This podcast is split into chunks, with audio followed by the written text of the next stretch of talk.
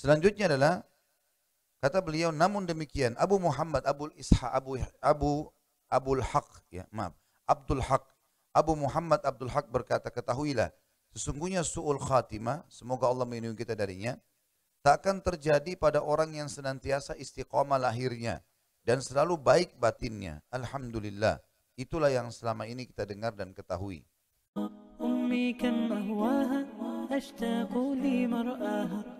وأحن لألقاها وأقبل tapi su'ul khatimah selalu terjadi pada orang yang rusak akalnya atau tidak henti-hentinya melakukan dosa-dosa besar dan tidak segan-segan berbuat keonaran, keonaran-keonaran yang besar.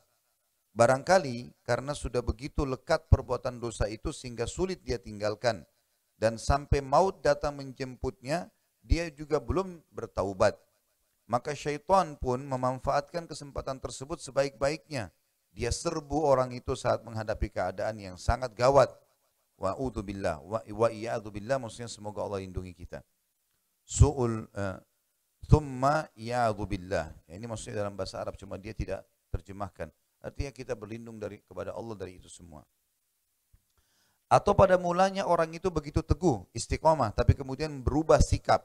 Ini saya bilang tadi. Dia istiqomah pada saat lagi kumpul sama teman-teman pengajian. Begitu tidak kumpul, mulai dia kendorin imannya. Jangan. Harus sibukkan diri terus. ya. Orang mukmin tidak ada istilah vakum, tidak boleh dia diam. Tidurnya pun diniatin ibadah. Tidur supaya memberikan hak badan dan juga supaya kuat ibadah. Maka jadi ibadah kan? Saya sudah pernah bilang, hal mubah pun bisa berubah menjadi sunnah, tergantung niat. Makan mubah, minum mubah, tidur mubah, mandi mubah. Tapi bisa jadi sunnah. Niatkan semua itu karena ingin merawat tubuh yang Allah amanahkan lebih kuat dalam ibadah, maka pahala. Jadi kita sudah dapat segar tubuhnya, dapat juga pahalanya.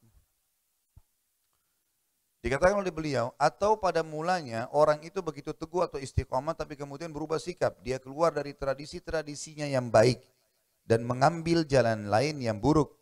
Perubahan ini menyebabkan su'ul khatimah. Jadi bukan hanya sekedar orang kena terbiasa dengan perbuatan dosa seperti di paragraf sebelumnya, tapi ada juga orang kena su'ul khatimah justru kena dia tinggalkan keistiqomahannya itu. Jadi dia kendorkan dirinya sendiri. Bisikan syaitan selalu standar ya. Sama saja kita semua sama digoda. Gampang nanti taubat kan sudah tahu caranya. Gitu kan. Ah ini kan cuma dosa kecil. Sama aja. Ah itu kan cuma puasa sunnah. Sama, semua. Kita semua godanya sama. Baik, kalau sunnah berarti tidak dikerjakan. Lalu untuk apa Allah syariatkan? Kan gitu. Maksudnya kita lawan itu, tidak boleh kita iakan. Perubahan ini menyebabkan su'ul khatimah dan berakhir hidupnya secara tragis